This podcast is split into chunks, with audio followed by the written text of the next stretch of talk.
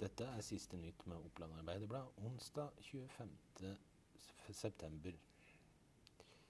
Sykehuset Innlandet har fått to avvik og tre anmerkninger etter brannvesenets tilsyn.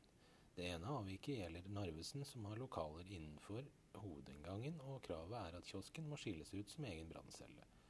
Dette har blitt påpekt tidligere, bemerker brannvesenet i sin rapport.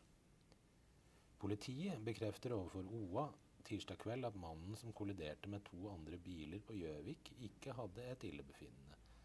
Mannen er avhørt, og jeg kan bekrefte at det ikke dreier seg om et illebefinnende, sier oppdragsleder Bård Hjort hos operasjonssentralen ved Innlandet politidistrikt i OA ved 19-tiden tirsdag kveld.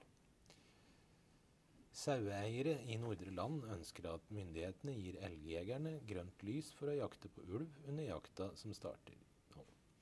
Det bekrefter ordfører Ola Tore Dokken i Nordre Land til Oppland Arbeiderblad. FrPs stortingsrepresentant Morten Ørsal Johansen ser det som realistisk at Stortinget griper inn og trekker saken om kompensasjon til pelsdyrbønder.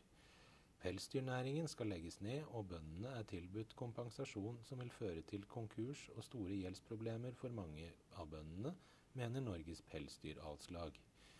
Forslaget til kompensasjon er nå ute på høring.